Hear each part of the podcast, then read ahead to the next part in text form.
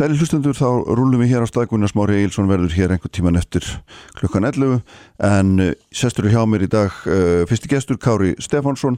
Uh, við ætlum að fjalla hér aðeins um samspil erða og umhverfis efni sem að, já, mannkinni hefur eiginlega brotið heilanum alveg frá upphafi. Verður velkomin til mín Kári. Takk. Uh, Þetta er hérna held ég svona eina af þessum grundvallar spurningum í mannleiri tilveru og búin að vera um aldir alltaf það er að segja hvað mótar mannin, hvað býr til mannin og að hvað leiti er hann ein herra og að hvað leiti mótast hann af erðum og, og umhverfinu. Og þú hefur, þú ert búin að rannsaka erðir í 50 ár og svona kannski bara sem uppaspurninga ég maður segja. Hvað, hvað svona hvers hefur orðið vísari? Ertu uh, sannfærður um erðir eftir því sem að árin líða? Fyrir þetta er aldrei stort og mikið. En hvað, hvað svona, hvað kennir reynslan? Sko, reynslan eh, tjannir okkur að allt líf á jörðu, ekki bara líf mannsins, á rætur sínar í upplýsingum sem eru skráðar í tjarnasýrur, að mestu leiti í DNA og eh, lífið hefur í þessari fjölbreyttu myndsinni hefur orðið til við samspil tjarnasýrunar við umhverfi. Það er að segja að tjarnasýran er ekki allsráðandi, hún verður að lúta sínu umhverfi að vissuleiti og ef við, ef við horfum á mannstjefnuna þá er hún ekki, enda, ekki, ekki hún er kannski ekki endaleg, vara, við erum að þróast áfram.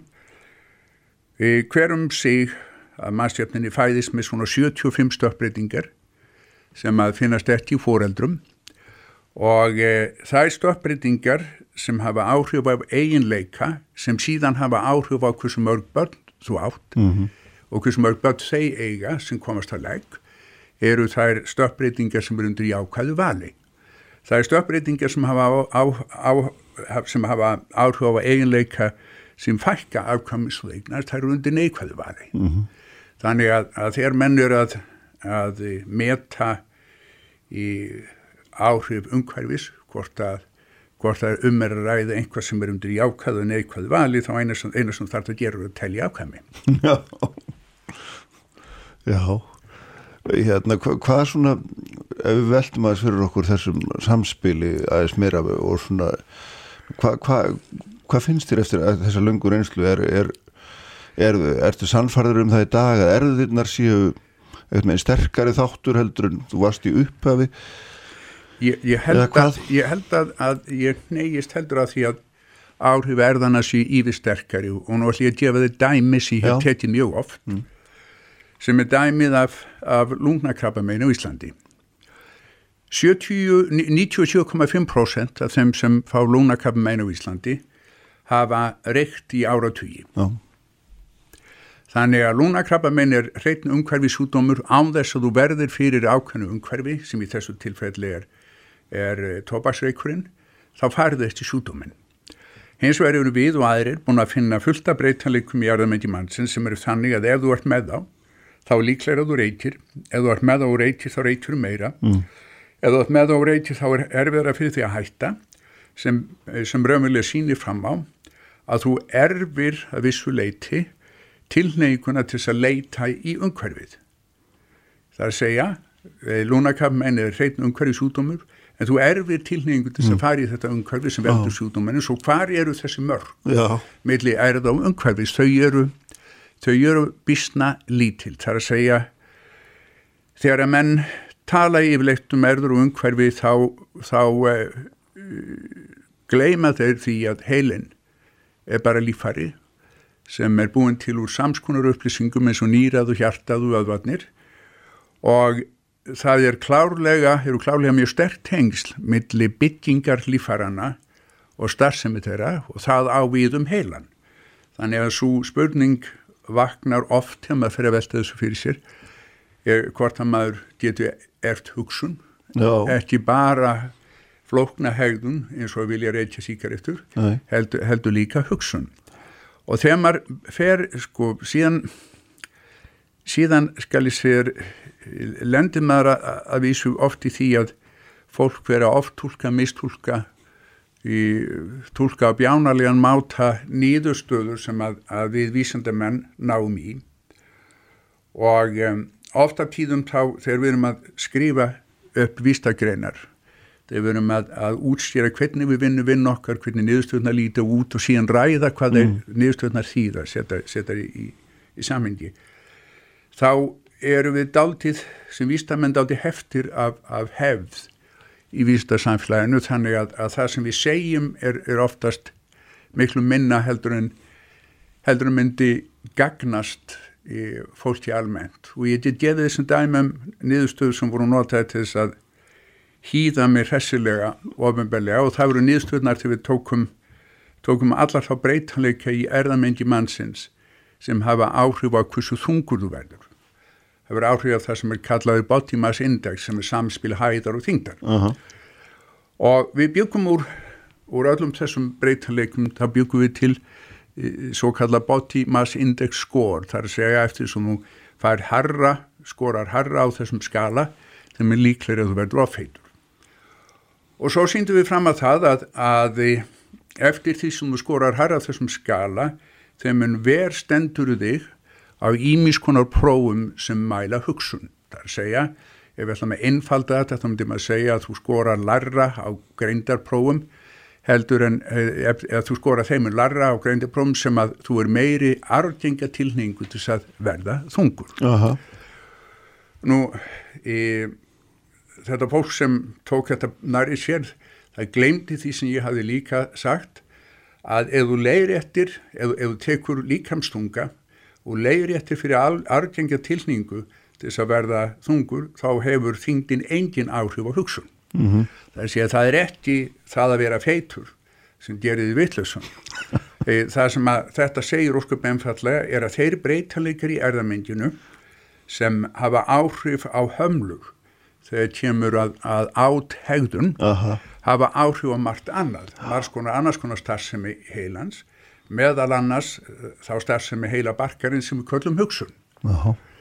og, og þegar þú er komin með svona, svona eh, sko samspil, annars vegar heilans og hins vegar annara lífhæra, þá er þú komin inn í, inn í mjög flótið verkefni, Já. það sem er mjög erfitt að áttast á því hvað er hvað en, en, en enga síður þá er þetta bara svo að, að við, við erum, þegar við erum búin að velja okkur foreldra þá fyrir allt annað val í okkar lífi að skipta miklu miklu meina máli. Við ráðum svo litlu í hugmyndunum hinn frjálsa vilja er kannski, auðvitað morða þann hinn frjálsi vilji er eftir eins frjáls en sem hann vildi vera. Nei, það er nú einmitt mjög merkilegt að það er auðvitað svona verið Þetta hefur verið eitt af líkil hugtökum okkar, það er hinn frjálsi maður, er, það, er, það, er það myndið það verið nýðstöðan að hérna, við erum miklu mun bundnari af einhverjum þáttum sem heldur en hérna við höldum?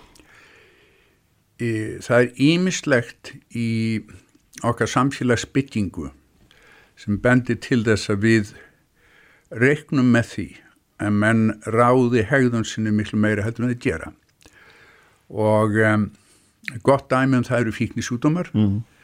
það sem að menn verða lastnir og oft degja að völdum neslu á efnum sem að við vitum öll eru stórhættuleg en það reynist alveg gífulega erfitt að lækna fólk almenlega af þeim kvilla í raunverulega raunverulega næstu því næstu því ómúlegt að, að gera það og, og um, síðan finnst mér líka nokkuð merkilegt þetta dæmi um, um uh, mótróa þrjóskuröskun eða Já. oppositional defiant disorder Já.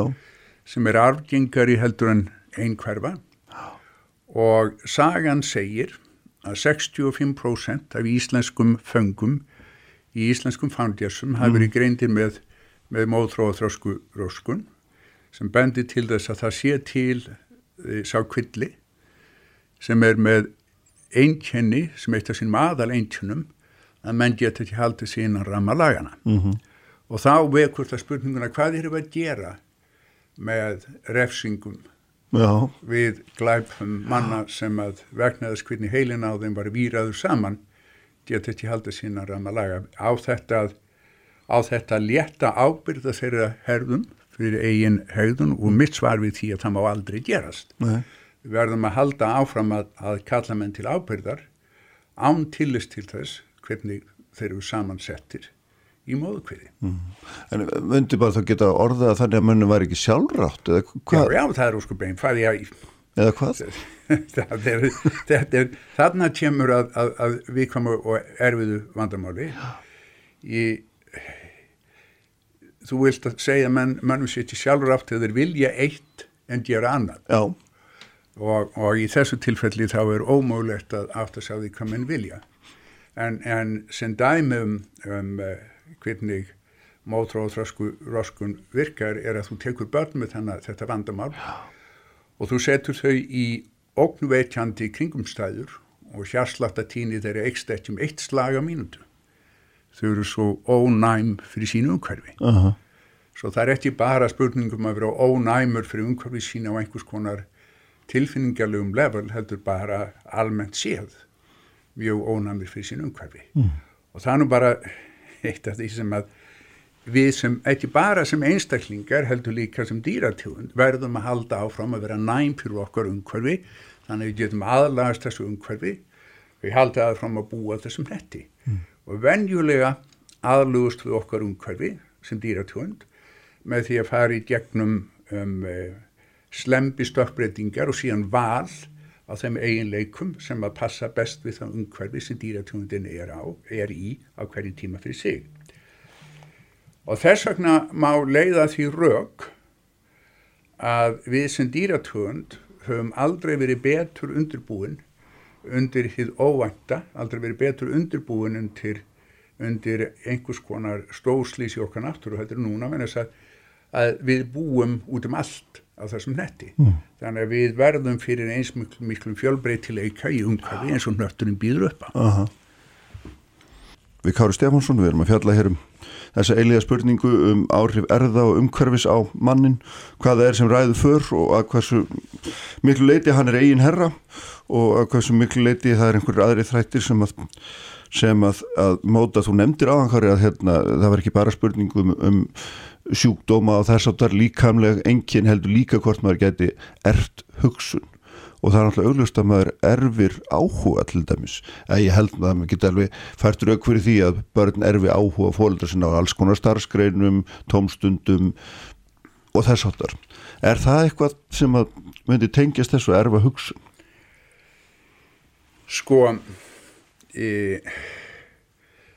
e, fyrir nokkrum árum gerðu við eftirfarandi rannsú ef þú tekur ef þú tekur börn ef við tekur aðkvæmi mm. þá hljóta þau e, helming er það meitist móður og helming er það meitist föður og e, möguleikin á því að blanda því saman er, er ansi, ansi mikill vegna að þú ert með, með öll þessi litningapör e, þessi 23 litningapör sem að geta síðan sko geta vikslast á alls konar máta við það að, að, að egg frjókast e, en, en, en, en rannsóknir sem við gerðum eða spurningi sem við spurðum var hvaða áhrif hefur sáhluti af erðamengi móður og erðamengi föður sem fer ekki yfir til bassins hvaða áhrif hafa þessir helmingar á örlög bassins mm -hmm. og og um, þá er náttúrulega næsta spurning er hvað, hvað gerir þessi helmingur? No. erðamendisins sem fer ekki yfir til bassins það býr til helmingin af móður og helmingin af föður. Oh. og móður í það minsta alltaf er mjög mikilvægur þáttur í umhverju bassins ný, nýfætt. Og vonandi er, er um, fadurinn ákaflum líka mikilvægt framlag til umhverfis bassins þegar það er nýfætt Þannig við gáttum sínt fram á að breytanleikar í þeim hluta erðamengis móður sérstaklega sem fer ekki yfir til barsins hefur mikil áhrif á það hvaða mentun barnið hlítur endanlega uh -huh. það er orðið fullorðið það hefur mikil áhrif á líkurnar á, á, um, á fíknisjúdómum það hefur mikil áhrif á líkurnar á kjart og æðarsjúdómum í þannig að, að það er einnig spurningum það að þessi, þessi, þessi stíl meðlega erð og umhverfis eru, eru miklu minni heldur en, heldur en maður vildi vera láta. Þessa niðurstöður sem ég var að segja frá, þær, þær komu fólk til daldi nýstarlega fyrir sjónir þegar sögðum frá því en það hefði ekki aftur að gera það vegna þess að það, mann hafa alltaf vitað að móður skipti dífulega miklu máli í uppeldi bas það má segja við höfum notað mjög flokna aðferð við að sína það sem er sjálfsagt en, en uh, þessi aðferð lagð, lagð, gerði okkur kleft að að meta það hversu mikil áhrif þetta eru. Mm -hmm. Það er ekki bara að segja að þetta eru áhrif, við gætum mælt hversu mikil þessi áhrif eru. Og, og e, það sem meira er, þegar við fórum frá móður til sískina til fjárstildari ættingja, það var alveg ljóst að allt þetta fjölstyldu umhverfi, erðir fjölstyldu meilamanna, hafði mikil áhrif á, á örlega barsins. Þannig að það má að vissuleiti segja að við séum kannski ekki alveg eins ólík maurun, maurunum í mauraþúinu eins og við kjaldum. Mm. Við erum ekki bara frá erðafræðilegu sjónamiði séð ekki bara einstaklingar, við erum líka hlut af þessari mannlegu mauraþúu, við erum hlut af samfélagi sem er, er að mér finnst ekki bara spennandi frá bíológisku sjónamiði séð, mér finnst það svolítið fallegt. Já, já, en hvað, sko, maður veldi fyrir sér þessu, sko, hvað börn sem að fæðast inn í um að segja getum bara að kalla það óheilbritt umhverfi í einhverjum skilningi segjum að fóreldrar séu nýstlu segjum að það séu fátækt segjum að það séu nöttulegar aðstæður afbrott í umhverfinu og svo framvegis. Myndi maður geta sagt þessi börn eigi ekki séns Nei, ég held Nei. að það sé allra þetta sem ég sagði þér núna síðast mm. um áhrif erða móður og annara fjölslutumælima á örlegu barsins sína þér fram á að það er breyta í þessu öllu saman sem er hægt að hafa áhrif á. Það er að segja að þú getur uh, reynd að hafa áhrif á þennan umhverfisþátt í til dæmis í gegnum skóla. Og það sem mér finnst okkar samfélag, okkar íslenska samfélag, mm. hafa brúðist alltjóðlega, er að nýta sér þennan möguleika sem fælst í grunnskólunum. Mér finnst það að kemur að fjárfestingu skólakerfinu við um að beina sjónum okkar sérstaklega að, að grunnskólunum vegna þess að, að þar eru börnin sem komu fjölskyldum sem eru þannig að án mikillar hjálpar þá endaðu ég ekkert ofar í skólakerfinu. Ég, ég, ég held að grunnskólinn sé sá staður þar sem við getum jafnað leikin meira en okkur starf annars þar. Auðvitað koma erðirnar alltaf til þess að koma þar inn í en þarna er möguleiki og meir en smá möguleiki, tólögt mikill möguleiki Já. að því að hafa áhrif á, á á örlög. Tökum sem dæmi að upp í aðra breyðhúlti þá eru leikskóli, ég man ekki hvort það er einn eða tveir, það sem málþroski batna er langt á eftir, meirinn tveimur staðar frá ykkur í eftir, eftir meðaltali í samfélaginu mm. Og við erum að gera mjög lítið til þess að bæta úr því. Ekki gleyma því að tungumálið er það tæti sem við hugsun með Þannig að við verðum að hlúa að tungumálunum, við verðum að hlúa því hvernig fólk notar og getur nota tungumál. Ef þú gerir það ekki, ef þú tekur ekki á þessu hjá þessum börnum núna, þá kemur, kemur, þetta til með að vera fólk sem verður á herðum samfélagsins, mm. alla sína æfi. Mm. Það, það verður á, á, á bótum alla sína æfi, það lendir inn á litlarhraunni, það verður vandamál samfélagsins fyrir utan alla þá þjáningu sem þetta fólk verður að fara í gegnum. Mm. Þannig að, að mér finnst við líka verið að bregða sem samfélag við því að hlú ekki betur, leggja ekki meira mörgum til þess að reyna að bæta fyrir um það sem þessi blessuð börn fá ekki heima hjá sér. Mm -hmm. Þannig að þrátt fyrir erðir og þrátt fyrir eitthvað svona nærumkörfi þá er en þá umtalsverðu möguleiki til þess að hafa áhrif á mannsáluna. Það er mjög mikill möguleiki á því að hafa áhrif á mannsáluna og, og eh, þeim en fyrr mm. sem þú byrjar að reyna að hlúa að sálinn í fólki þegar þeir eru ungböld, þeim er meirinn mögulegt hjá því að hafa áhrif í jákvæð átt, búið mm. til eitthvað fallegt mm. Hva, Hvað með svona hugtök eins og þegar við erum að tala um, um fólk sem að fer eitthvað meginn út af henni beinu bröð eins og taumhald, röksun, skinnsemi allt þetta sem að sér mjög gerðnan í umræðu um, um, hérna, um þessi mál Er, er þetta eitthvað hluti af þessu sem að sem eitthvað veginn svona Sko, það, Skortir eða hva, hvern þegar þú varst að lýsa á þann hérna, þessari móttrúa röskun ef ég mann horfið rétt er, er þetta einhver hluti af því eða hvað? Sko við erum uh, mannlegu fjölbreytileiti nær yfir ansi breytt svið. Og síðan geta menn dilt uh, um það hversu langt þessi normal mannlegi fjölbreytileiti nær. Hvernig er þetta að fara úr einhverju sem við getum fallast á að sé normal yfir einhver sem er óeðlegt og um, mér finnst um, að mörguleiti svo deila kannski ekkert ekki alltaf sérstaklega spennandi mm -hmm. og, og um, vegna þess að, að það sem einn daginn er, er löstur getur næsta dag verið kostur það sem er það sem er löstur hjá einstaklingnum getur verið kostur fyrir samfélagið og svo framvís og uh, ég held að, að ég held að, að til dæmis þessi þessi saga um um, um djæðklofan sem er þessi sem er þessi sko stóri mikli djæðsútumur sem, mm. sem að allir óttast þessi tengsmilli tilningarinnar til þess að að fá djæðklofa og til þess að hugsa öðruvísi við gerðum rannsókt þar sem við tókum stökkbreytingar sem tífalda líkur á djæðklofa og uh, það vil svo til að að tína á djæðklofi í okkar samfélagi er svona um það byrja 1%, 0,6 til 1% mm -hmm. Þannig að þeir sem eru með þessar stökkbreytingar eru tíu svonum líklegri til þess að fá djæðklofa því að þeir eru með 10% líkur á því að fá djæðklofa og 90% líkur á því að fá hann ekki og við spurnum spurningarinnar e, hefur þessi stökkbreyting áhrif á það hvernig fólk hugsar sem ber stökkbreytingarnar mm -hmm. en fær eftir sjútuminn og við síndum fram á að, að fólki sem ber þessar stökkbreytingar og fær eftir geðklofa það hugsaður öðruvísi heldur um fólki í samfélaginu almennt á sama máta og, og sjúklingar með geðklofa. Bara ekki bara, að frávitsið er bara ekki alveg smitið. Hvað þýðir það? það þýðir að það er ekki þannig að þú fáið geðklofa þess að hugsaður öðruvísi.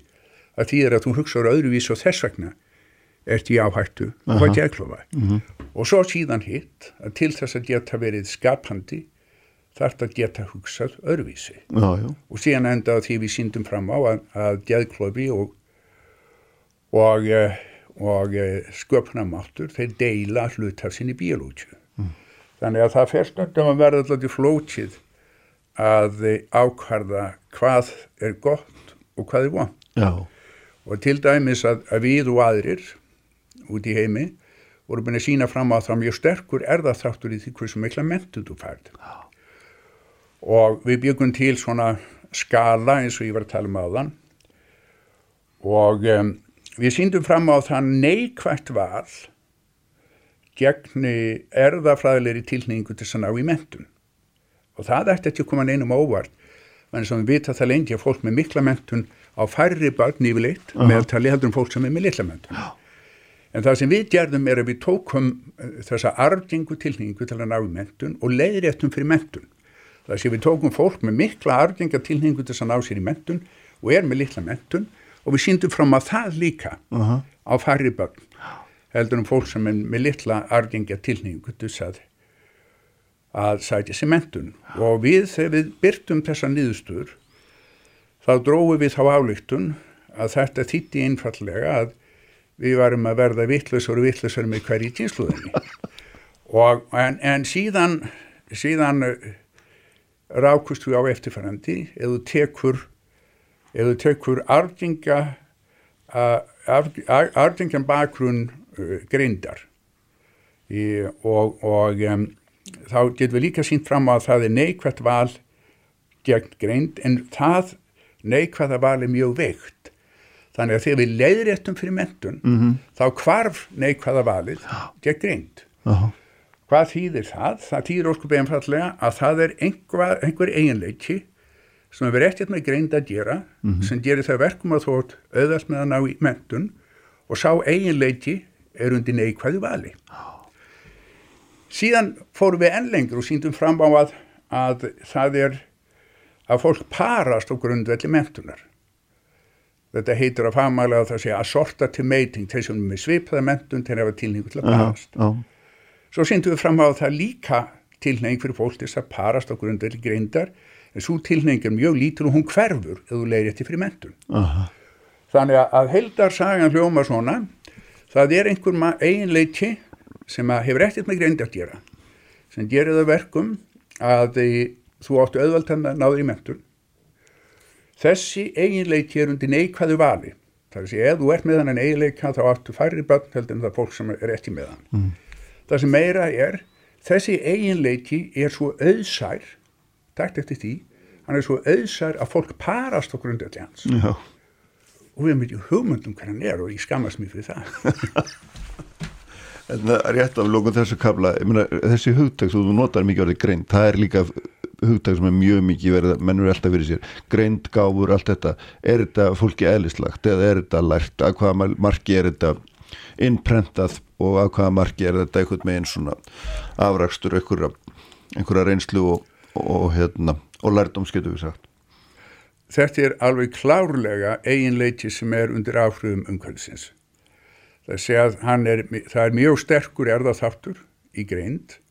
Hvernig svo sem þú stílgreinir hann mm. e, mjög sterkur. En það má svo sannlega hafa áhrif á, á starfsemi heilans eins og starfsemi annar að liffara og það má gera það með alls konar þjálfun mm -hmm. það má gera það með alls konar umhverfi það má gera það með ást og hlýju og umhyggju og einhvers konar kvartningu og svo framvegis en að baki þessu öllu býr í einhvers konar hönnun sem á rætur sínar í upplýsingum sem litja í því erðamendi sem verður til þegar helmingur frá móður og helmingur frá föður blanda saman. Mm. En mér langar að spyrja þig sko, ég er velta stundu verið að velta fyrir mér hérna hvort að þessi umræðu um erðir annars vegar umhverju hins vegar endur speglist ekki að hluta í megin pólitísku ströymum 20. aldarinn þar að segja einstaklisíkjunni sem hefur ekkert meira svona hugmyndum að maður búið sér til sjálfur og svo hins vegar þessari félagsíkju sem hefur meiri hugmyndum að maðurinn mótist af umhverfin og sé svona minna sjálfsins herra maður, er, er þetta ómikil einföldun? Hvað finnst þér? Ég finnst þetta að vera sko glæpsanlega einföldun í, í, vegna þess að, að í, sko við, við við búum í samfélagi og um, Í, ef þú ef, er, og, og til þess að, að hópra fólki sem býr saman í, til þess að hann, hann falli að þeirri stílgreiningu sem við höfum á samfélagi mm. þá þarf þessu hópur að, að deila ákveðnum plutum og um, og deilurnar sem ég finnst vera milli, milli þeirra sem e, eru til hægri og vinstri pólitíker er deilan um það hversu mitið við eigum að hlúa hvort af öðru og, e, og e, það hefur ekkert með, með afstöðu til einstaklingsins að gera. Ég held að það sé engum minni möguleitja af því að hlúa að, að afraukum einstaklingsins í samfélagi þar sem að, að menn bera svolítið ábyrð á á, á uh, samborgunum sínum mm. í samfélaginu það er alveg, ég held að það sé alveg gjössan út í höll það eru svona eins og ég sé þetta þá eru menn búin að búa sér til ákvæmna hugmyndum um, um uh, ákvæmna hugmyndum um, um hagfræði sem gera það verkum að það eru auðvöld sem eru búin að til að mestuleiti til þess að réttlæta það að ákvæmna einstaklingar geti sapnaði sér óheirilegum auði mm -hmm. og hefur umlegt hérna með samfélagið að gera til og með skviti óskupunum hva, hvað er það í okkar samfélagi sem kallar á það að menn eins og Bezos eigi 200 miljardar bandaríkjadala? Hvað gerir það fyrir samfélagið? Án þess að ég sé að halda því fram að hans í óhaldum maður sínu samfélagi. Síður svo, ég bara sé að, að það er einhvers þar sko samfélagið að verður hins vegar að nýta sér hæfileiki einstaklingsins, mm. leifa einstaklingunum að að, að að láta finna fyrir sér að, að þeir hafi tækifæri til þess að skapa, þeir hafi tækifæri til þess að vinna og þeir hafi tækifæri til þess að letja mörgum til samfélagsins. Það sem að, það sem að í, pyrra mig kannski mest þegar það kemur að, að útfæslu á þessum, þessum, þessari miklu pólitísku hugmyndafræði er þegar mann láta hugmyndafræðina sem á að vera tæti til þess að hjálpa mannum við að hlúa samfélaginu, mm -hmm. láta hana verða markmið í stað þess að, að láta möguleikina til að rúa samfélaginu vera markmið og, og eitt dæmi um það, það sem ég finnst til dæmis e, Svandísi Svavastóttur hafa orðið á svolítið mistökir þegar það kemur að að, e, að klínikinu fjármúla. Já. Ég er sammála Svandísi að, að ég vil að heilbyrðistjærfið sé rétt hjá ríkjunum. Ég vil að, að við höfum eitt heilbyrðistjærfi og það er allir aðganga því og þar, þar greinir mig og Svandísi alls ekki á. Það sem okkur greinir á er að henni finnst réttlægtalegt að sætta sig við það að það séu þúsund manns að halda í íslensku samfélagi, þúsund mann sem getur ekki sofið á nætturna vegna verkja í, í liðamótum, að það sé allt í lagi láta það gerast e, til þess. Það sér henni finnst eðlert að forna möguleikonum Mhm. á því að semja við klínikjunum að vinna sem verktæki fyrir heilbæðistjærfið, henni finnst réttlætanlegt að forna því til þess að hlúa þessari heildar hugsun, þessu markmiði, þessari hugsun að heilbæðiskerfið eigi að vera rétt hjá ríkinu. Það eru þannig mistök sem okkur á ekki að verða á í íslensku samfélagi. Það er engin ástæði til þess. Nei, En, en e, við erum einstaklingar, við fæðum sem einstaklingar og mannleg fjölbreytni er alveg gífuleg og e, okkar viðfangsefni, viðfangsefni mannfræðinar er mannlegu fjölbreytileiki. Það er það sem við erum að skoða og á sama tíma og þessi fjölbreytileiki er mjög spennandi og hann er mjög upplýsandi hann segir okkur mjög margt um sögumannsins, hann segir okkur mjög margt um sjútómamannsins en á þeim sama tíma og við erum að beina sjónum okkur að þessum fjölbreytileika þá verðum við á sama tíma að, að leggja mikið á okkur við að, að taka að móti þessum fjölbreytileika með opnum örmum. Mm. Það er að sé ekki nota þannig fjölbreytileika sem ástæði til þess að útiloka fólk, til þess að meiða fólk og svo framvís. Og mér finnst þegar maður setur, sko, eitt af því sem við gerðum fyrir nokkrum árum var það að við, við raðgrindum erðamengi úr hópi af afkomendum Hans Jónatans sem var fyrsti svarti maðurinn til þess að koma til Íslands og ástæðin fyrir því að við gerðum þetta er svo að, að faði minn sem fættist og ólst upp á djúpói var mjög tamt að segja okkur sögur af Hans Jónatan og var, var sífælt að að halda því fram að þessu hinn einstaklingurinn í íslensku samfélagi var afkomandi Hans Jónatans og má þá sérstaklega geta Davís Oddssonar sem, sem, sem ég skal segja að, að tók því nú með, með stóru brosi og fannst mjög, þetta mjög fyndið. Já. En takt eftir því, rétt undir aldamótin 17-1800, þá kemur á land á djúpói fyrsti svarti maðurinn til þess að koma til Íslands. Og hvað gerist? Honum er tekið opnum örmum og hann verður kaupmaður á staðnum og á núna um 800 afkomendur í íslensku samfélagi. Aha. Og það sem við gerðum og það sem ég lagði til að við gerðum og ég er afskaplega ánað með við reyðum stýra er að með því að skoða erðamengi afkomendans þá gáttu við raða saman þessum afríska helming af erðamengi hans Jónatan og mér finnst það, mér finnst það mjög flott saga, mér finnst það falleg saga. Já, já. En e- eitt kannski að við hættum að því þú nefndir aðan Bezos, hérna, sko, hva, hvað er öðruvísi í mengi manna sem að hérna, ná svona gríðalegum árangri við getum líka, það getum ekki að nefna hans sérstaklega getur líka verið einhver framúrskarandi vísindamenn eða íþróttamenn, ég veit það ekki er, það, er eitthvað sérstakt, er það er eitthvað sem að vitað er um það?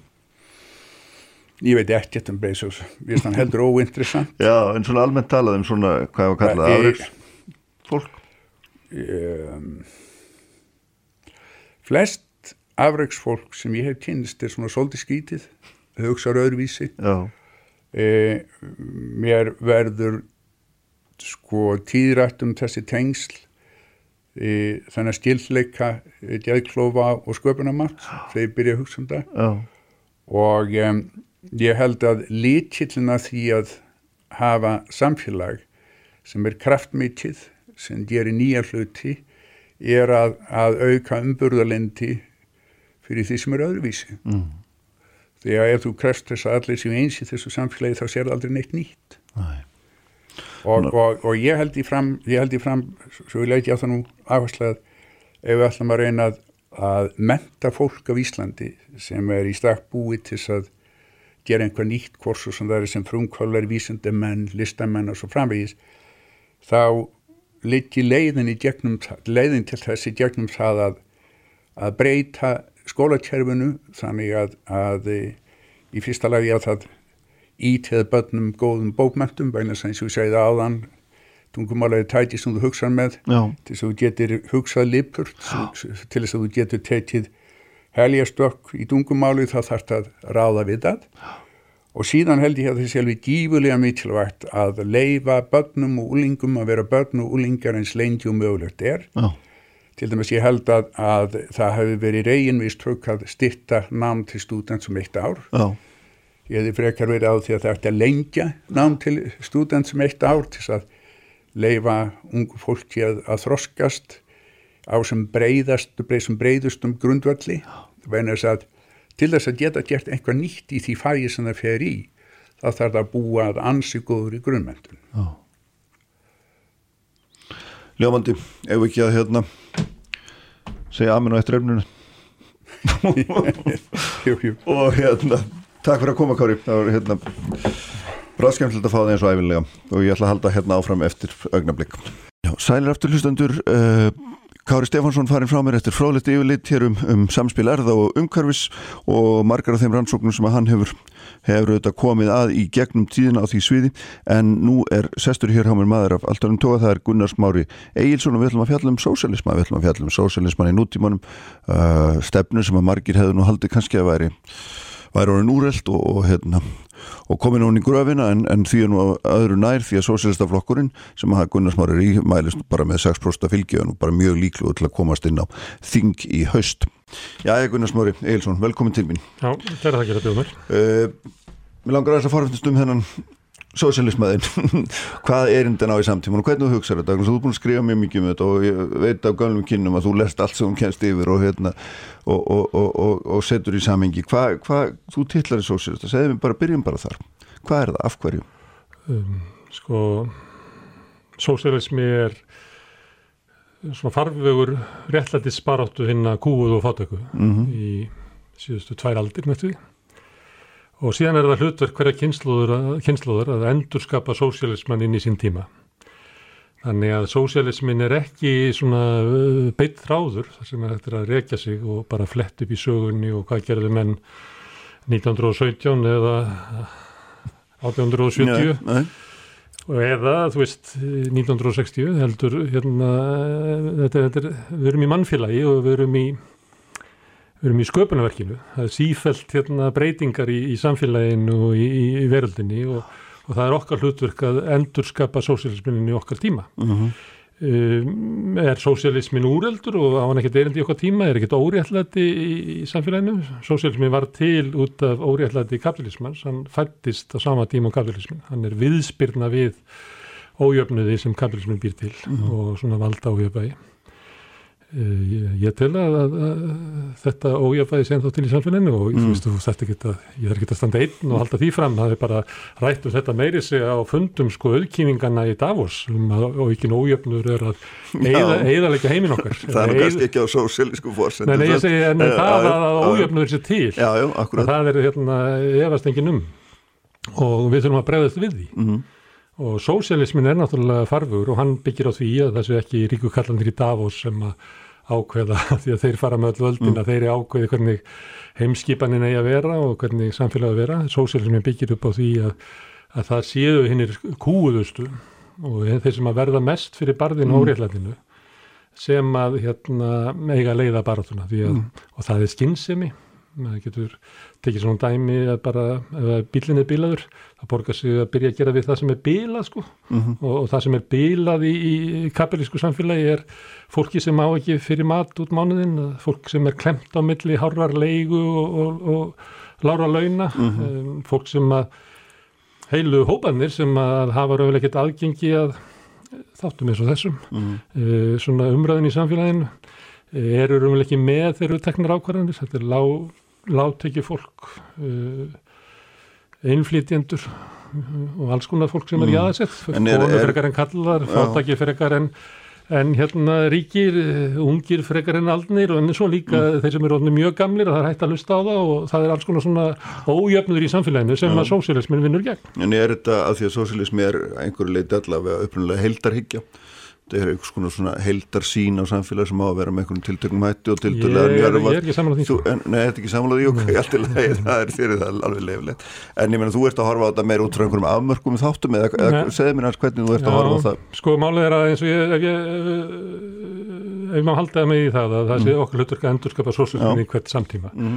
og þá hefur sósíalismin á hverjum tíma svolítið hérna uh, dreigið dám af svona hugmyndum uh, hérna, þeirra tíðar. Ég að, ég hef ekki lesið bókina hans hérna, kjartans um, um uh, kommunistaflokkinu.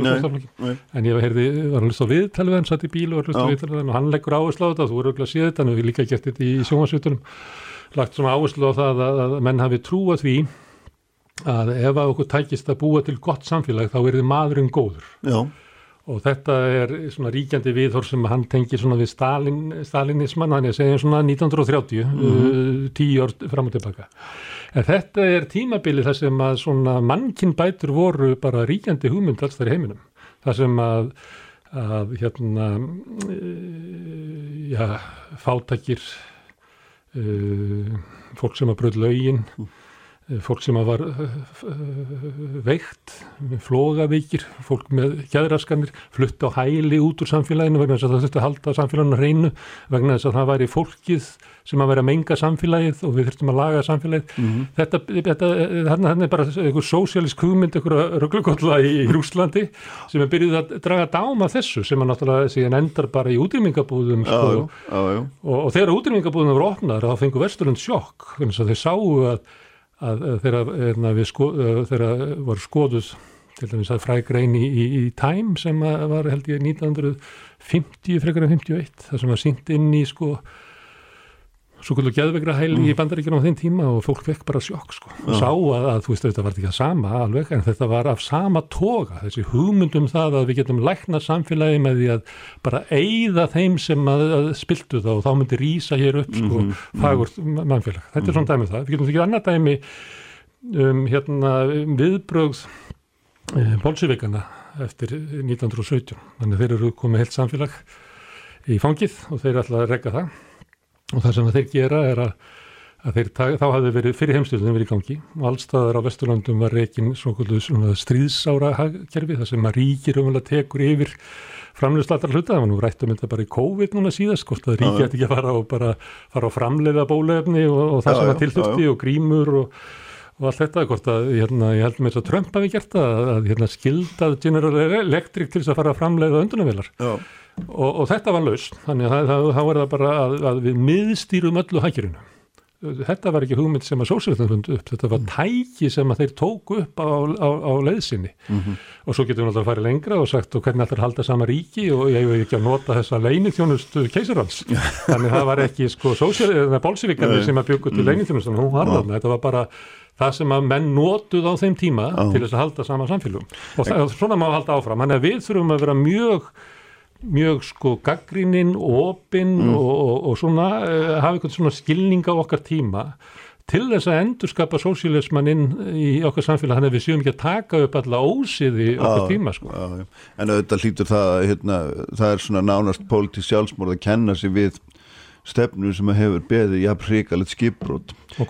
Já til dæmis uh, já og svo sem við nú Nei, þeir, orð, orðin flækjast nú mjög saman sko. Það er bara hjá þeim áróðusmönnum það er enginn sem að, en, að, kann ekki að gera greinamun á sko sósialisma kallar ekki Hugo Chávez í sósílist ég held og Castro kallar hans ekki bara á alls konar morðingjar Já. kalla sér sko kristna og ég veit já, ekki hvað já, ég veit það það er ekki ábyrð á því nei, að sjálfsög ekki, ég er heldur ekki að tala um það en ég er að segja að það, er, það lítur að vera umhugsun efni þegar maður leggur að stað Já, ég, ég skal svara, Já, þetta er já, umsvöndi. já. Sko er það að sko auðvaldið hefur svert hérna frelsisbaróttu hinna kúðu Mhm. með því að, að halda því fram af, af, og byggt á það sem að, ég, getur kallað aporofóbíu eða, eða fátakra andúð sem er á því að, að hérna, ef að, ef að henni fátakur Mhm. fá, fá pening og eða fá, veist, gott líf Mhm. og ef þið fá völd, þá verður bara glundróð hér.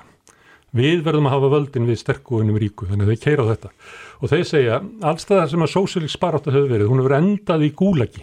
Sem er bara ránt. Þetta er hérna, allræði kommunistaflokka og kommunistaríkja sem hefur endað þar og alveg svo öll önnur allræðisríki, sko. Það eru hægri allræðisríki sem að í átrúnaða góð nýfrálsökjumanna Pínusi, hann hérna dunda sig við það að taka stjórnaranstæðinga og fljúa með með þyrlu út og hafa út og henda hennar út og láta á druknaðar.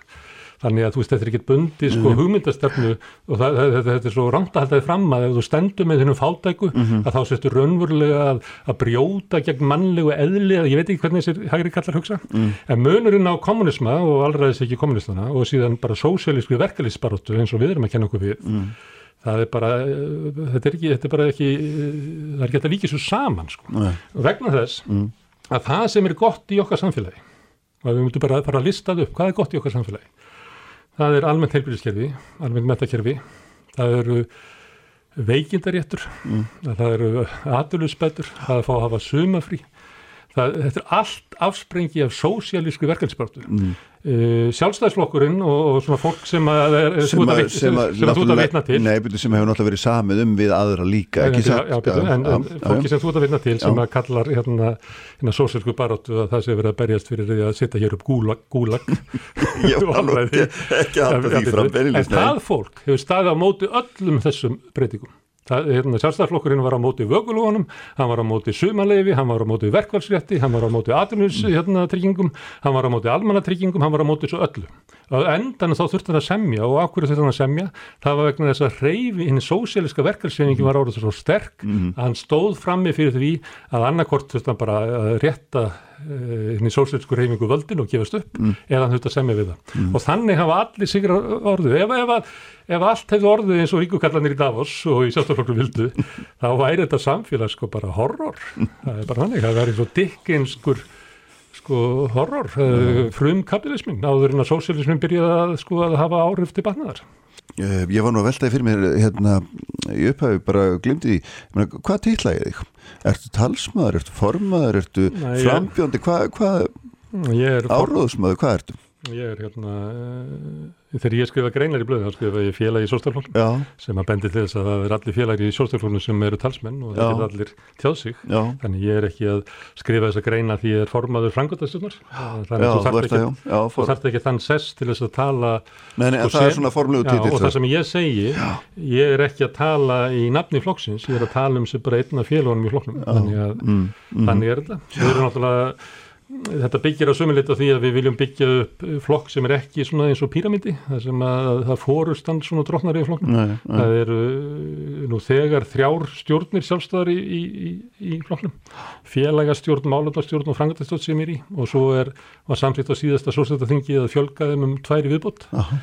Þannig að, að hugmyndin er svo að, að flokkurinn sé svona e, byggður upp eins og grassrót, en ekki svona hýraki eins og eh, flestir hinnaflokkana. Ég held að Píratnæs séu reyndað ekki, en svona nei, klassíski nei, flokkar. einmitt, já, já. Og þetta byggðum við bara á því að, að skoða reynslu annara flokka og við erum að reyna að, að varna svona klíkumyndun sem hefur reyðilegt flokkana, varna því að fámennur hópur getur svona drottnað yfir þeim eins og er sérstaklega vandamál núna þegar flokkarnir fá þessa miklu ríkistyrki, þá er það raunverulega fórustan sem fær styrkina og þarf ekki að grænsóttin lengur að halda og þannig að við erum að reyna að, að hérna, vanda okkur við það, að Já. búa til eitthvað sem að getur orðið alþýðu reyfing Aha. vegna þess að stjórnmál þingmennin og þingi Mhm. geti gert neyn áhrif nema á bakið og séu sterk og öflur reyfing. Mhm. Þannig að tilgangurinn okkar er alltaf að byggja upp þessa reyfingu.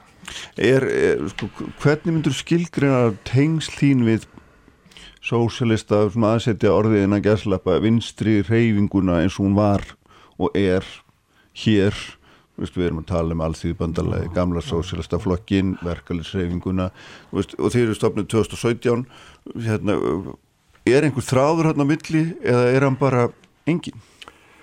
Það er að tala um flokkin eða mig. Já, bara, já, Já. ég er að tala um svona, já, svona, já, já, já, þú veist, má ég, vera, þegar ég er að beða því um að skilgreina flokkin kannski þegar ég var ungu maður að þá hérna, og komst til vits og ára, Mm. Að þá var hérna svona vilt að vinstri í gangi. Þá var svona róttakari hlutin og hugmyndadeglan og getur gaggrínt hvers, sko, eða, þú veist, Mhm. haft skoðanar á því hvers, hvers deglan var en, hún var svona fyrir utan sko stopnarnaflokkana Uh, þetta var spennandi tími, þetta var 8. áratur það var mikið að verkvöllum og mikið átök og, og mikið sigur sko mm. stofnarnaflokkana, A-flokkana 78 mm. uh, krafa þeirra við að svara en á eitthvað svona skrítin hátt þeir, þeir tóku ekki sko vilt að vinstrið inn heldur voru þeir reyna að svara einhverju án þess að sko breyta sér innan frá eitthvað svolítið uh -huh. og það voru, voru kynsluðaskiptið þar, þá komu stjórnmálamenn sem hafði mikil árif á, á næstu ára eftir eins og Vilmundur og Svavar og eitthvað lera svona eftir að higgja þá er þetta kannski svona fjörbrót uh, vinstirsins þar sem að hafa nú verið fjallað um þetta við um heim að, að hérna, hinn sósæliska verkefnisrefingun er mjög öflug og byggist upp og svona í kringu 1960 að þá fyrir hún að breytast, þá er kannski að koma til fórustu fyrsta kynnslóðin sem að nýtur ávagstanna, það eru fólki sem að, að krakkarnir sem að fá að brjótast til menta mm. og koma inn og það er eðlert að þau takja við fórustuna og, og Piketty vil þennan skrifa um þetta og hægt og bítandi þá færas flokkarnir svona frá því að vera með baráttumál sem er eiginlega bara óskalisti hinn að kúu Þannig, þannig var ég alveg svo sett á baróttan alltaf. Það var bara farið til þeirra sem höfðu það verst og segja hvað vantar þig? Já. Það vantar meiri pening fyrir mati, það vantar húsnæði, vantar helbriðstjónustu, vilt að börnin komið til skóla og þetta er stærnan okkar.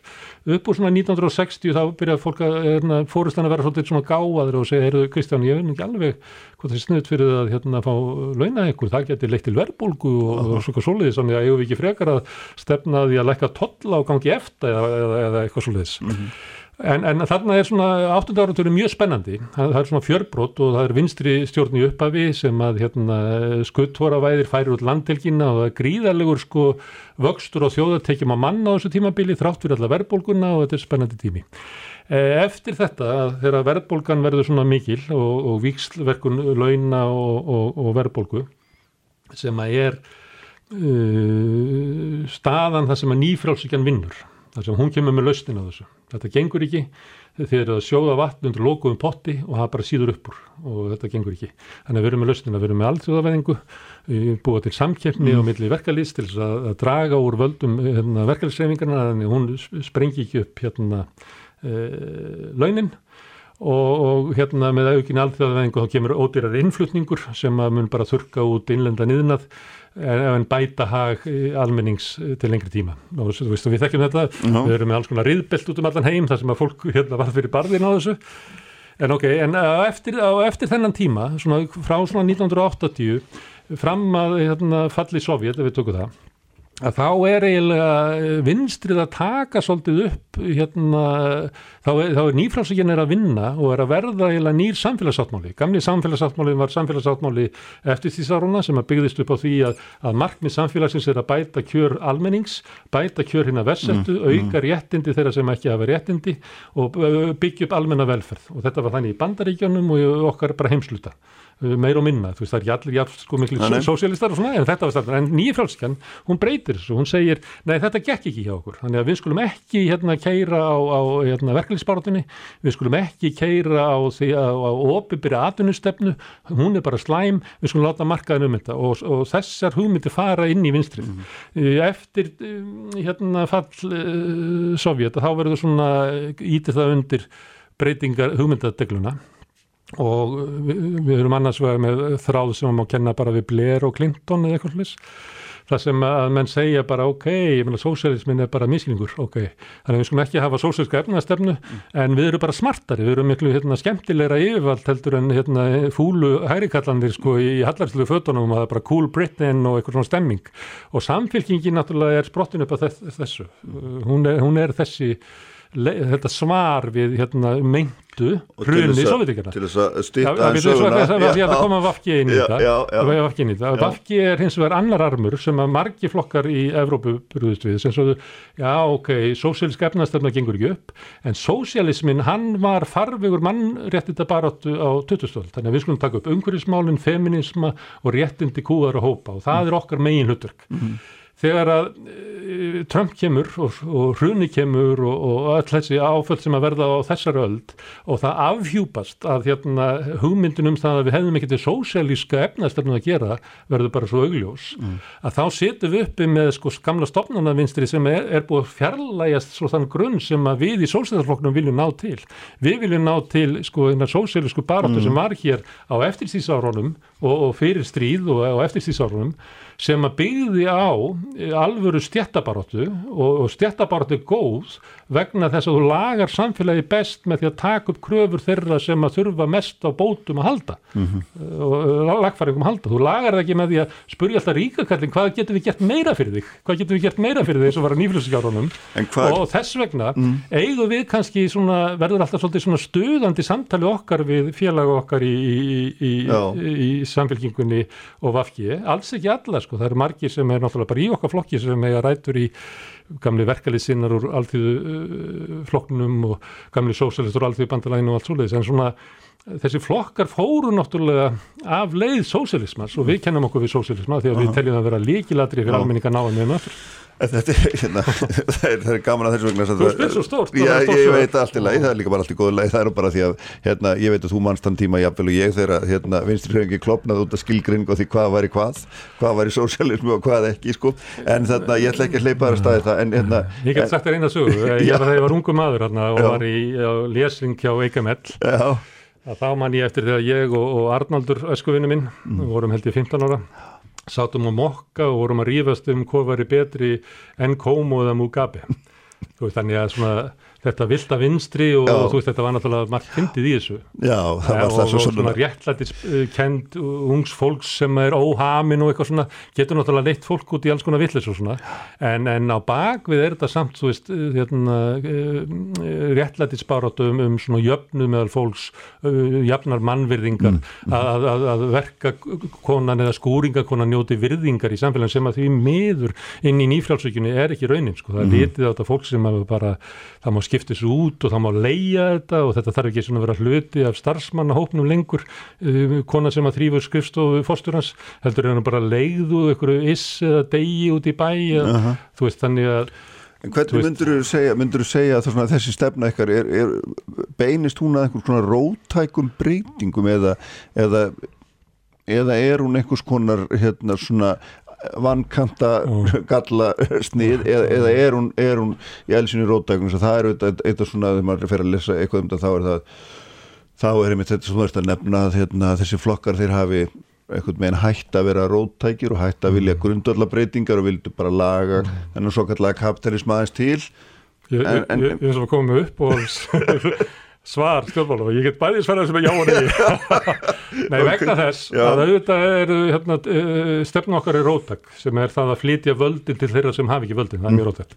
Hins vegar verður að horfast í augu við það að það hefur verið ótrúlega róttaka breytingar á samfélaginu eh, svona frá 1980 og sérstaklega frá 1990 hérna á Íslandi það sem hefur orðið stórkvæmsta breyting og ég getur tekið bara eins og sjáarútvinn það sem var veist, alls konar útgerður út um all land og eitthvað svona en núna er sko ég held að séu sko kannski 5-6 fjölskyldur sem eru verið með meira hlutan á kótanum undir sér. Það hefur Þegar ég var hérna ungur þá voru margir bankar og tryggingafjölu og nú er þetta bara einhver þrjú og þannig að það hefur orðið rosalega samþjöppun. Það þegar ég var hérna byrjaði að fara út á vinnumarkað og var bara að vinna verkamannavinnu mm. og var með vinnu hans, eh, í Rassvarssonum og mátti ég rífa kæft við verkstjórun sko. Mm. Núna er þetta þannig að þú er bara reygin og rífa kæft við verkstjórun. Þannig að það hefur orðið rosalega breyting á samfélaginu og hérna valdaleysi hinn að valdalöysu er orðið miklu meira. Þannig að, að, að þess að að eru að sömuleiti eru við að mæta sko ótrúleiri rótækni hérna auðvarsflokkana sem hafa umbreytt íslensku samfélagi bara miskunnulegst snúið skattakerfin á, á kvolf þegar það gefið hérna, 20 miljardar í skattaafsláttina ríku, mm -hmm. auki skattbyrðina fátæku mm -hmm. þetta er bara e, ótrúlega hröðbreyting og þetta, þetta fólk skulle kenna sig við stöðuleika talaðu við hérna, fólki á þingri sem misti kvótana bara á einni nóttu, er eitthvað stöðuleikið ykkur? Talaðu við fólki sem að, hérna, er, er orðið leikt núna, fyrir ekki vinnu heldur bara leikt tanga til sem að fyrirtæki vil senda, er eitthvað stöðuleikið ykkur? Talaðu þá sem eru fórnarlömp hérna, húsnæðiskreppunar sem eru klemt á milli lára launa og hára, hára, hára leigu, er eitthvað stöðuleikið ykkur? Það er ekki stöðuleiki, það er mm. þvert á móti við erum að gangi í gennum ótrúlega mm. hraðabreitingar þar sem að auður, auðlindur og völd hafi verið flutt frá almenningi til hinn að fá mm.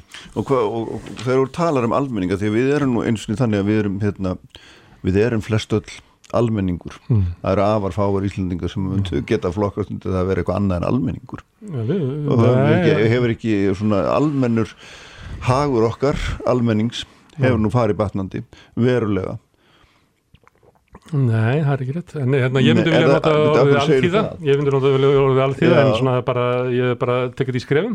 Ég, ég, kannski í februar, þá byrjaði ég að segja alþýðan.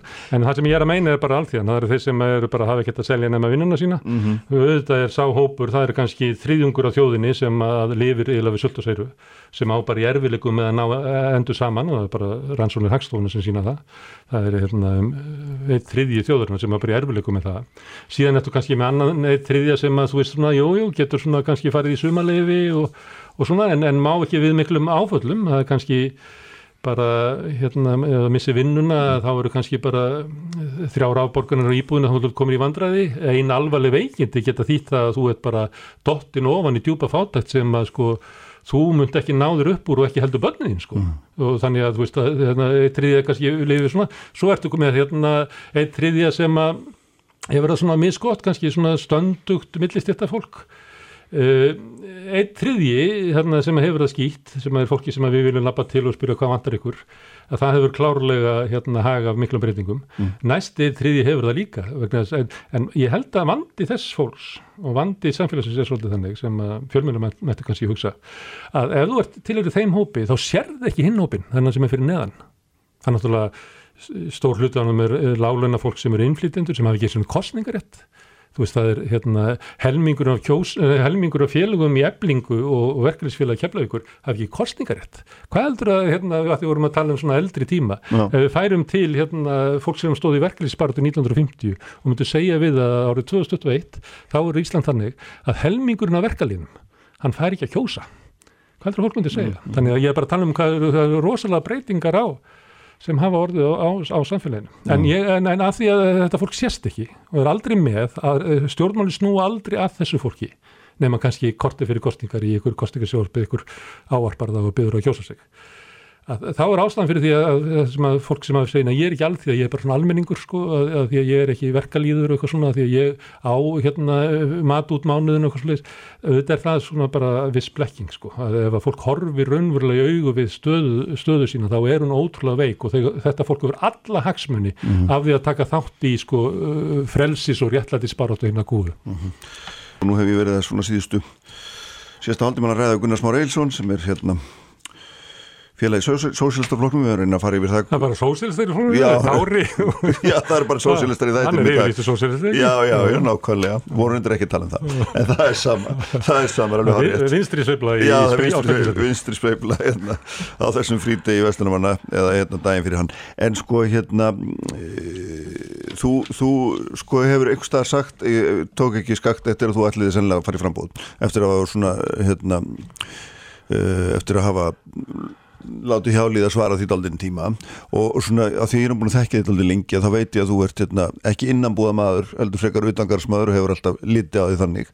Uh, hérna bæðið þinn í blaðamennsku og rítstjórn og, og, og, og, og sérstaklega sem við ert náttúrulega að tala um núna að draga fram rattir hérna þeirra sem ekki hafa rattir og svo framvegist þetta, er ekki, þetta er ekki tal innan búðarmanns Það er svona uh, instakopp í búri. Já, okkur svona leys, við getum kallað það bara.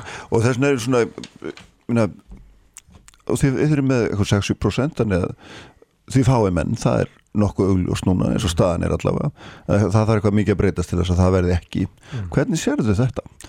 þegar þú þarft að hérna, þegar þú þarft að setja slifsið og fara fara að áarpa hæstvettan þingmann og svo framvegis þetta er allt annar hlutverk en, en hérna hinn krítiski utangarsmaður Já, ég verður að því þegar þú orðar þetta svona, þá bara hef ég ekkert pælt í þessu sko. Það er hérna að sitta svo slifsið og eitthvað svona.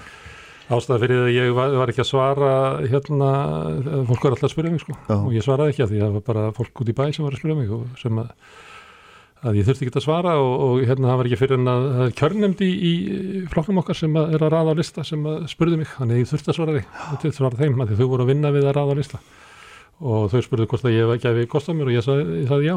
Og svo bara vildi svo til eiginlega bara daginn eftir var ég spurður að þessi fjölmjölum og þá gæti ég náttúrulega ekki sagt ósett og ég sagði bara að ég beði mig fram ef að fjölmjölnir vilja uh, þur, uh, til þessi geta nota mig. Mm. og þannig er nú bara ennþá staðan. Ég- Þannig að ég er ekki að horfa á sjálfa mig endilega svona inn á þingi en, en við erum náttúrulega að byggja upp reyningu og ég hef velt fyrir mér og við í flokknum hef velt fyrir okkur sko hvernig funksjón hefur svona þingflokkurinn í svona uppbyggingu og reyningu og við lítum á þetta sem svona ákveði tækifæri ef við förum hérna inn og að geta byggt í kringum þingflokkin. Hérna það er að því er alltaf að tala um að, að, sko, að heia baróttu hinna versettu. Þá eru hóparinn í samfélaginu sem að hafa raunvel ekki efnaslega stöðu til þess að heia sína sko hagsmunabaróttu og það eru hópar sem að kannski bara eiga efnaði þannig mm. að svo, fyrst, fyrsta lagi þá náttúrulega verkefliðsreiningi þess að búið að formfesta þetta.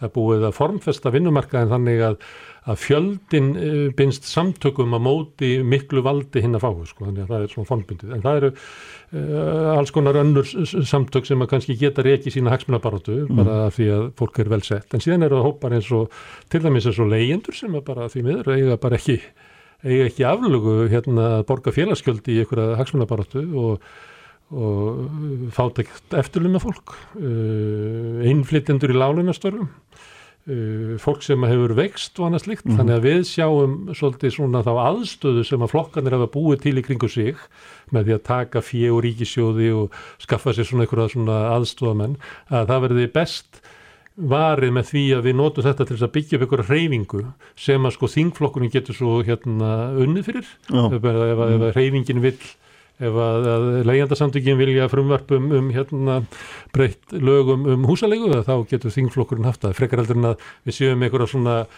einhverja litla kúlu í kringu þingflokkin sem að ég nú séð svolítið til þess aðstofa fólks ég veist að hérna það er maður sem að skrifa góða bókum svona bullshit störf. Og hann tók einmitt svona dæmi þegar hann var að vera að spurða hvað er svona bullshit störf? Þá tók hann einhvern veginn dæmi í viðtali af svona aðstóðarfólki hann kallaði þetta að vera aðdáðandi nummer eitt. Það er svona heldur á töskunni og svo kemur einhver í viðtali á þér Kristján þá situr aðstofamörðina frammi og svo kemur maðurinn fram og já, já. segir djúvöld stóðst þið vel og eitthvað svona.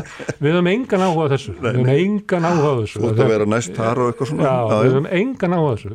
Það sem markmið okkar er það að, að byggja upp hérna, alltíðurhefingu og, mm. og við höfum alltaf vita að það er mm. erfitt og við höfum haft það svona sagt það þú veist ef þetta var ekki svona erfitt, þá var þetta ekki svona nöðsulegt og það er erfitt að hérna, virkja fólk til póliska þáttöku í samfélagi sem hefur eiginlega haldið að fólk í 40 ár að það sé til einskis. Í fyrsta lagi átti ekki að hugsa um sko hag, hópsins og tilirheldur bara þín eigin hag. Mm. Og það að öll svona baráta hvað sem er verkarísreifingin eða stjórnmálabarta, þetta er allt saman lígi þetta er fólku bara að hugsa um raskatið og sjálfum sér, allir sem að þykjast verið að fara að byggja hér upp eitthvað gott samfélagi,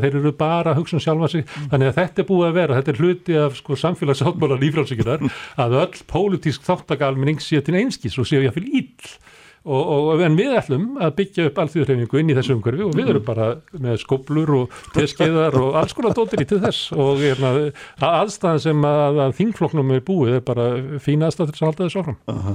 En sko hver eru tengslikkar við, við til dæmis eins og hérna, verkansreifingunum núna til dæmis eins og eblingu það sem hefur náttúrulega verið mjög svona kröftu framganga á undarfarin hvað er það, tvö ári eða eitthvað sluðis mann og heldur neitt í tíma en þetta er ekki svona cirka einhver, einhver tvö Þetta er komið meina þrjú ár? Já, ok. Tíminn svo náður líða, Kristján, við erum komin að þennan aldur. Ég veit það er sagt, já, þeir mann aldrei neitt deginu og ekki mann ekkert á milli erberg eins og sagtir en þarna, hver er tengslinn þarna milli? Því þar höfum við náttúrulega fengið þar höfum við verið mjög öflugt fólk sem hefur nákvæmlega verið að tala fyrir mun þessa fólk sem þú ert akkurat að nefna Ég myndi segja að þetta fólk verið hluta reyfingunni og þá er ég að tala um svona mm.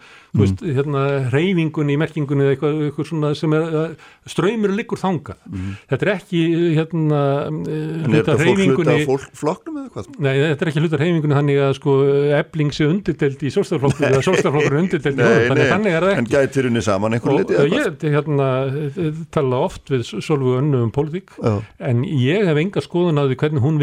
vinnu en það væri það svo vittlust að þú veist við erum, hérna, við erum að byggja upp reyningu eða við verum öll að hafa mm. skoðun hvort og öðrum hvern, hvað, við erum, hvað ákvæðinu við erum að taka bara, það er svo, það er svo pointless sko. mm. það er þú veit bara að byrja að tvímenna í hlutina og endanum verður þetta bara, leið, bara mm. tómleðindi þannig að ég skipti mér ekkit af því hvernig sko, fólkið eblingu rekur sitt setjafélag þú veist En það er auðvitað samhljómur með ykkur, já, er það ekki alveg klart? Já, það er vegna þess að við tilurum sumur heimingu og það mm. er heiming sem er út um allan heim, það er sko, sósialismin er ekki bara vaknaðin í Íslandi og það er merkilegt, mm. það er eins og þú sagðir að við verum að mælast með 6% eða eitthvað, það er bara merkilegt að flokkur hérna, sem að, að skilgrinn sem eins og við erum að gera sé að mm. mælast svona á þess að vera með neina þingmenn innanbors mm. og þetta er bara einstakt í, í sögunni að mitt kjörtímanbíl sé þessi flokkur að mæla svona en þetta er líka gerast við um heim, það var hérna það er sko og, og alveg eins og ég sko held ég að við byrjaði að tala um að, að það að sko endurskapa sósísmin í sín tíma það er allir að leita að því. Hvernig getur við endurvakið hérna sósísman við erum að leitum og leitum og við skoðum hvað hinn er að gera og, og við sjáum alveg það samljómi með mörgu sem er að gerast í öðru löndum. En, en það sem er svolítið svona mm, skemmtilegt að sjá að það er allir að leita að þessu vegna þess að svarið er auðvitað ekki, liggur ekki alveg ljúst fyrir. Mm. Það er ekki þannig að þú farir inn í bókasafnið og takir heim bók eftir Hannes Holmstöld Gissurason um, um hérna, syndir kommunismans og, og getur þið lesið til um sósílisman. Það er ekki þannig svo. Það, þetta er ekki uppskriftabók. Þetta er bók sem að, ef hún er ekki í beinum tengslum við mhm. þarfir fólksins sem að þjáist á hvernig tíma, mm. þá er þetta bara sófa ruggl og við erum að reyna að byggja upp svona raunverulegur heimingu og byggt upp á, á kröfum minna kúuð og þjóðum. Mm. Þú, þið voruð í hérna, fóruð fundaferð um landið, mm uh, Baratunum Ísland, Já. myndi manna á hérna, þegar voruð ekki Jóbaldur og Ólaður Ragnar sem fóru einhvern tíman.